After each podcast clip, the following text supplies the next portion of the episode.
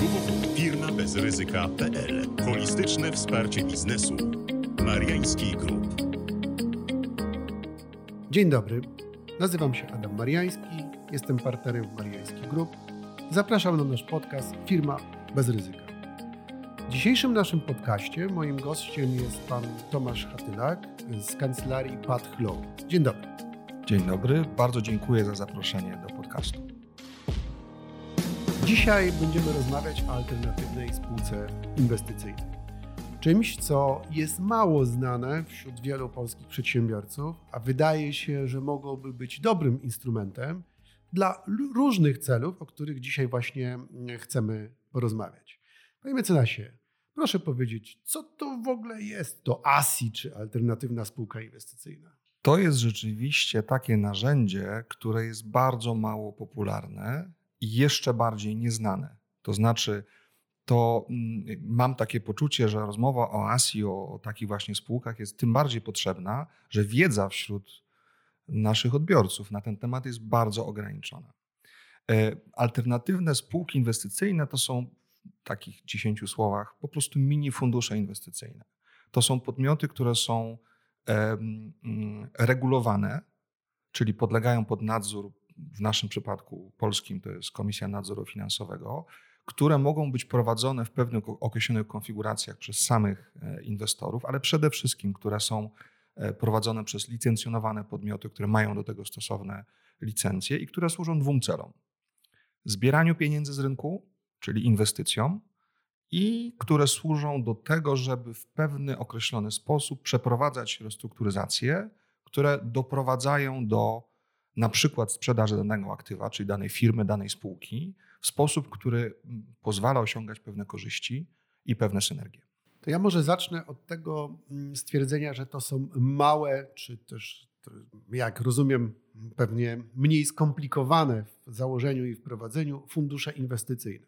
Przez wiele lat takie fundusze inwestycyjne w Polsce były popularne, ale ze względu na zmianę i przepisów regulacyjnych, i przepisów podatkowych, one coraz rzadziej są stosowane. Mówię o polskich oczywiście funduszach inwestycyjnych zamkniętych, bo za granicą i funkcjonują, i często są też stosowane. Więc jakbyśmy wskazali tutaj może główne różnice, no jak rozumiem także w kontekście łatwości prowadzenia, czy może nie łatwości, ale mniejszych rygorów związanych z prowadzeniem ASI. Ja myślę, że tak intelektualnie na to patrząc, fundusze inwestycyjne i spółki inwestycyjne to są trochę byty odrębne. To są takie równoległe tory, można powiedzieć, które, które biegną i służą różnym celom. E, rzeczywiście podobieństwa są i to są podobieństwa uderzające. One wynikają z tego, że i jeden i drugi podmiot służy do po prostu inwestowania i reinwestowania środków. I jeden i drugi podmiot musi być prowadzony w określony sposób. Natomiast podstawowa różnica z punktu widzenia no, uczestnika rynku sprowadza się do poziomu kosztów i do poziomu rygorów i komplikacji wynikających z y, właśnie utrzymywania takich e, struktur. Fundusze inwestycyjne, jak, jak, jak, jak wszyscy wiemy, były regulowane w tej samej ustawie, co wszystkie inne e, instytucje finansowe czy, czy instrumenty finansowe, co oznaczało, że przepisy dotyczące dużych funduszy otwartych i tych mniejszych, dedykowanych funduszy zamkniętych były tak naprawdę zbliżone. E, natomiast e, jak się patrzy na historię, między rokiem 2008 i 2016, to można mówić o historii polegającej na no, e, tworzeniu tych fizów, fizanów, na ich ogromnej popularności na ich gwałtownym upadku. Teraz przechodząc do, do, do Azji, widzimy coś dokładnie odwrotnego. To znaczy, jesteśmy na etapie, gdzie rynek zaczyna się w ogóle interesować takimi rozwiązaniami. E, jesteśmy na etapie, w którym regulator zaczyna dostrzegać, że te narzędzia, że te instrumenty stają się popularne. Parę dni temu była informacja na temat y, stanowiska KNF-u, który zaczyna jakby obserwować e, dynamiczny przyrost aktywów w, w, mm, w Asji. No i też, co jest ważne, e, regulator zaczyna trochę sprawniej, trochę szybciej trochę na większą skalę udzielać licencji. I to dla tych spółek, które same się ubiegają o, o wpis na listę e, ASI i dla tych podmiotów, które będą tymi spółkami usługowo zarządzać. Do zakładania jeszcze za chwileczkę wrócimy może, ale jeszcze do tego inwestowania e, chciałbym jednak nawiązać i porównać to z funduszem inwestycyjnym zamkniętym, no bo otwarty to jest tak. w ogóle inna bajka Tak. Ale dla naszych słuchaczy, osób, które inwestują, osób zamożnych, właścicieli firm, e, Fizany były także istotnym elementem dywersyfikacji ryzyka pod względem inwestycyjnym. Ale zalecenia KNF-u i praktyka, która też wymusiła na wielu Fizanach właśnie zamknięcie,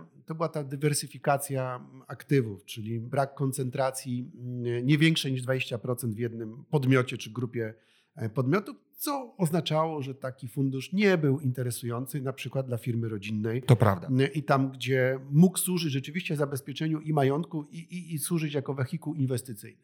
I teraz pytanie o Asji. Czy tutaj takie rygory również są, czy jednak one są może inaczej skonstruowane, ale bardziej przydatne właśnie dla tych grup, o których powiedziałem? ASI jest znacznie mniej sformalizowana i jeżeli można mówić o, o rygorach i porównywać y, oba te wehikuły, to moim zdaniem poziom komplikacji jest, jest, jest absolutnie umowny i niewielki. Ten rygor, o którym tu była mowa, czyli e, dywersyfikacja aktywów, nie występuje. E, rygory związane z nadzorem, monitorowaniem, wyceną są na zupełnie innym poziomie, co się przekłada na koszty. Myślę, że można powiedzieć, że stosunek kosztów funduszu inwestycyjnego do ASI jest mniej więcej taki jak euro do złotówki, taki parytet. Co jest chyba w największym uproszczeniu odpowiedzią na, na, na pytanie, jaki jest poziom komplikacji i jaki jest poziom e, e, uproszczeń. Rozumiem, że y, rodzina, która ma różne podmioty, ale która także chce prowadzić działalność inwestycyjną w zakresie dywersyfikacji, no bo trzeba w różne mm, wehikuły, w różne branże, w różne rodzaje inwestycji przeznaczać środki zgromadzone przez e, firmę czy firmy rodzinne może mieć takie ASI dedykowane wyłącznie dla siebie. Dokładnie tak. I te mm, rozstrzygnięcia podatkowe, o których pewnie będziemy jeszcze rozmawiać, które dotyczyły właśnie takich dedykowanych spółek e, inwestycyjnych, jasno wskazują, że one są równie popularne, czy nawet bardziej popularne niż takie ASI, które służą do zbierania pieniędzy z rynku. Czyli tak naprawdę taki modelowy e, przykład, kiedy ASI może być interesująca, to jest sytuacja, w której w ramach na przykład firmy rodzinnej powstaje pomysł, żeby dane aktywo, daną firmę, daną spółkę skomercjalizować e, albo zrestrukturyzować do tego stopnia, żeby ona nadawała się dla e, zewnętrznego inwestora, czy żeby była po prostu, żeby jej struktura prawna, poziom aktywów, struktura majątkowa była zmieniona. I do tego celu służy właśnie ASI, żeby rękami ASI, czy, czy zarządzającego, tego zewnętrznego zarządzającego spółką, taką restrukturyzację przeprowadzić, przygotować aktywo do sprzedaży i później reinwestować dochody ze sprzedaży e, aktywa.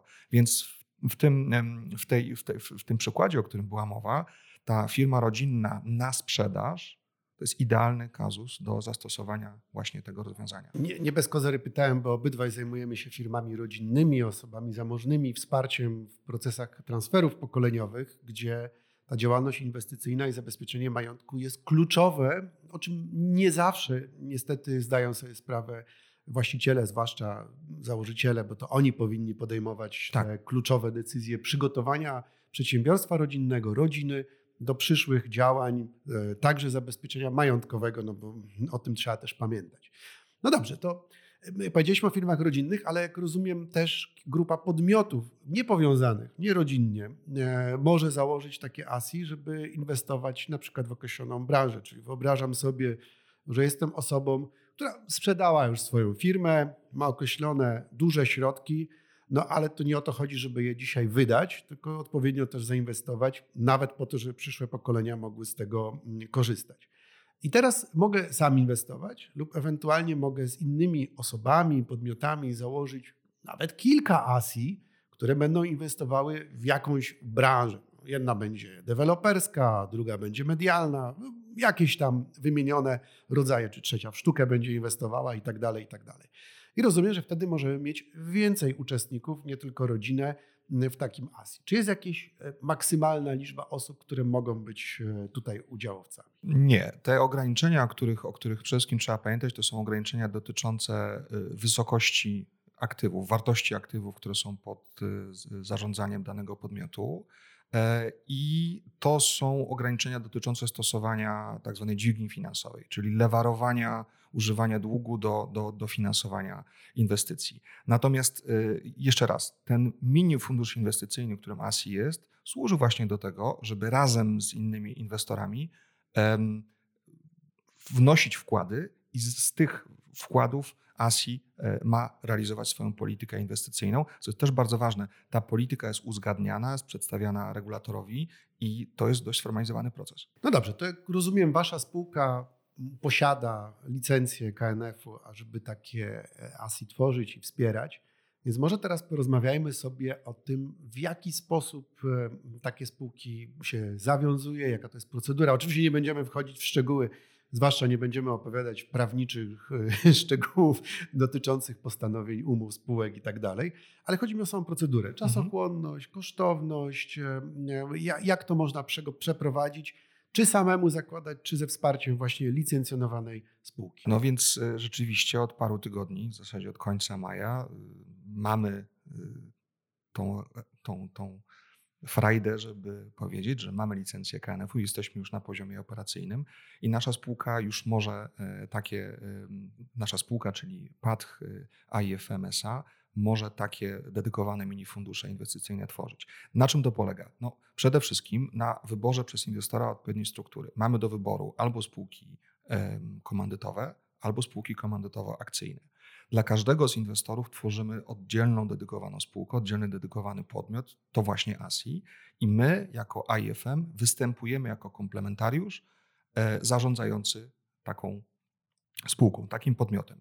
My, jako komplementariusz, jesteśmy podmiotem, który tylko to może robić. Przedmiot działalności naszego e, AIFM jest właśnie taki, jest tylko do tego ograniczony.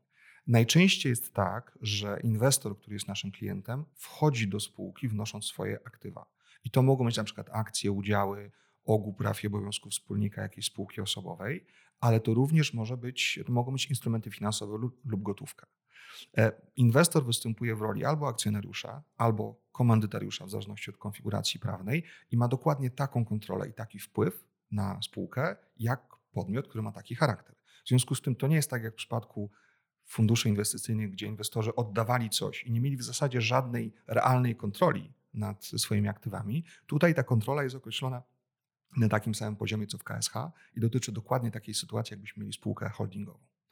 Później, jeżeli mogę, później ASI prowadzi swoją politykę e, inwestycyjną, czyli realizuje ten cel, do którego została powołana. To może być restrukturyzacja spółki, to może być znalezienie dla spółki inwestora, to może być doprowadzenie do korzystnej sprzedaży określonego rodzaju aktywów. I co jest ważne, te korzyści pojawiają się wtedy, kiedy ASI dysponuje określonym e, poziomem e, zaangażowania w danym podmiocie, czyli ma powyżej 20% w kapitale e, tego podmiotu, który, który jest ewentualnie przeznaczony na, na, sprzedaż, to po pierwsze i po drugie, te korzyści pojawiają się po jakimś czasie. Czyli w momencie, kiedy ASI będzie mogła, będzie, będzie, będzie mogła dane aktywo sprzedać i minie co najmniej dwa lata od wniesienia takiego podmiotu do, do spółki, dochód kapitałowy zrealizowany przez taki podmiot, przez ASI na sprzedaży tego właśnie aktywa nie będzie podlegał opodatkowaniu. Będzie opodatkowane tylko wtedy, kiedy inwestor zechce z ASI te mm, środki wycofać. No tak, ale to jest chyba zgodne z, z, celem powołania tych spółek, bo one nie służą generowaniu dochodu przeznaczonego dla właściciela, ja to nazywam dochód konsumpcyjny, tylko służą pomnażaniu majątku, e, czy to prywatnych właścicieli, czy właśnie firmy rodzinnej, i reinwestowaniu, no bo sprzedajemy po to, żeby potem to gdzieś zagospodarować, w nową branżę czy dywersyfikację wprowadzać. Tak. No i główny cel, bo to doszliśmy do tych oszczędności czy korzyści podatkowych także, to jest właśnie to, że ten dochód ewentualnie jest opodatkowany, ale jest odroczenie opodatkowania do momentu realizacji zysków, które mogą nie nastąpić nigdy, bo rodzina może postanowić, że będzie dalej te środki e, reinwestowała a e, dochód na konsumpcję będzie pobierany po prostu z pracy w tych firmach, a nie z wypłaty zysków kapitałowych. Dokładnie tak. Zresztą myślę, że trzeba o tym powiedzieć wprost. ASI jest ekwiwalentem spółek holdingowych.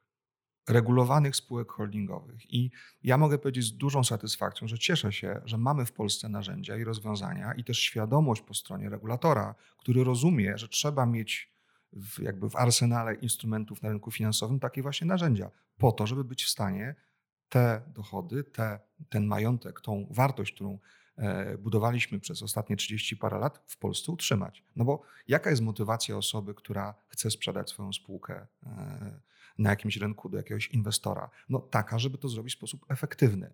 I teraz, jeżeli możemy to zrobić używając polskich instrumentów, polskich narzędzi w ramach polskiego rynku finansowego, to tym lepiej. No tak, tym bardziej, że nie, nie jest proste zmienić rezydencję tylko po to, żeby nie zapłacić podatku od sprzedaży udziałów, akcji w firmie. To jest bardziej skomplikowany proces po wejściu w życie przepisów tak zwanego exit taxu, czyli właśnie opodatkowania imigracji. Ale to tak na marginesie, na marginesie. tylko. Niemniej jednak ASI zapewnia to, że ten kapitał zostaje w Polsce, może być tu, no oczywiście może być to za granicą inwestowany, ale sam kapitał, e, majątek tego e, jest w Asji umiejscowiony, e, więc nie mamy migracji kapitału za granicę. To też jest bardzo istotne. Ale tu mam jednak takie jeszcze pytanie, trochę podchwytliwe, bo była mowa o spółkach holdingowych. No to czym się różni ASI od spółki holdingowej?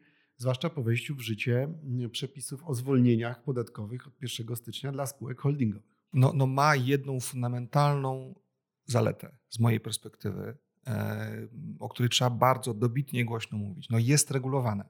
To znaczy spółka holdingowa ma swoje określone korzyści, ma swoje określone mm, elementy, ale to jest podmiot kontrolowany przez tego, kto, kto jest jej wspólnikiem. Natomiast y, spółka typu ASI jest oczywiście kontrolowana kapitałowo czy, czy korporacyjnie przez, przez inwestorów, ale jest podmiotem kontrolowanym przez podmiot regulowany. Co to oznacza? To oznacza, że podmiot zewnętrzny, niepowiązany z inwestorem, działa y, w ten sposób, że on wykonuje te czynności, na przykład związane z restrukturyzacją czy z budową wartości tych aktywów, a nie robi tego sam podatnik. Dla mnie to oznacza fundamentalną różnicę w ocenie skutków danych operacji, restrukturyzacji działań pod kątem na przykład ich sztuczności, zasadności, zgodności z celem gospodarczym itd. Tak Jeżeli mówimy tak, chcemy firmę sprzedać, idziemy do osób, które się na tym znają, które pomagają nam w doprowadzeniu tego do sprzedaży, to dla mnie to jest zupełnie inna narracja niż sytuacja, w której mówimy, że chcemy zbudować wartość i do tego stosujemy jakąś spółkę, która daje określone korzyści. Widzimy tutaj, jak przydatne będą te instrumenty, zwłaszcza w obszarze transferów pokoleniowych, kiedy trzeba przekazać komuś e, zarządzanie majątkiem, czy też wsparcie w inwestycjach, bo to niekoniecznie musi być samo codzienne zarządzanie w majątku, więc ja na to, tego bardzo chętnie słucham, ponieważ to jest też istotny element e, do wykorzystania w planowaniu transferów pokoleniowych. Coś możemy jeszcze powiedzieć o tych spółkach? Są jakieś ukryte niebezpieczeństwa? Myślę, że nie. Znaczy, myślę, że mamy do czynienia z czymś, dopiero, z czymś, co się dopiero tworzy na naszych oczach. Tak? Takich podmiotów jest kilkaset na rynku, zarządzających jest kilkuset bardziej 400 niż 100, ale mniej niż 1000.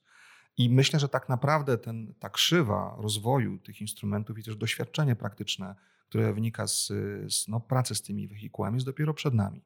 Natomiast z mojej perspektywy, no to jest przede wszystkim bardzo wygodne narzędzie do pracy i to jest realizacja, czy, czy jakby antycypowanie tego, co przed nami, o czym, o czym wiemy obaj, mówię o ewolucji przepisów polityki czy instrumentów podatkowych w ramach Unii, czy w ogóle e, globalnie, które idą w stronę ograniczania różnego rodzaju mm, działań optymalizacyjnych, transferów, używania jakichś wehikułów, które no, jakby odrywają, powiedzmy, majątek czy, czy, czy wartość od, od, od, od źródła, czy od tego, mm, od tego kraju, który ten majątek e, wygenerował. To wszystko, na przykład nowe projekty dyrektyw Unii Europejskiej, jasno wskazuje, że świat idzie w stronę podmiotów regulowanych.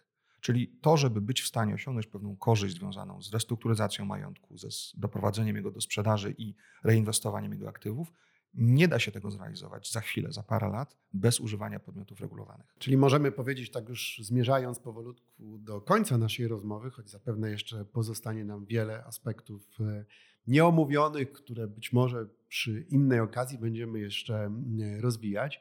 ASI byłoby dobrym instrumentem, czy jest dobrym instrumentem dla kogoś, kto chce zabezpieczyć majątek, tak aby on też był wyeliminowany, czy, czy jego tworzenie, pomnażanie było związane z mniejszym ryzykiem w ogóle, ryzykiem prawnym, zakwestionowania różnych działań, ale także, aby można było go zabezpieczyć dla przyszłych pokoleń, jednocześnie wykorzystując jak najbardziej optymalne rozwiązania podatkowe. Dokładnie tak.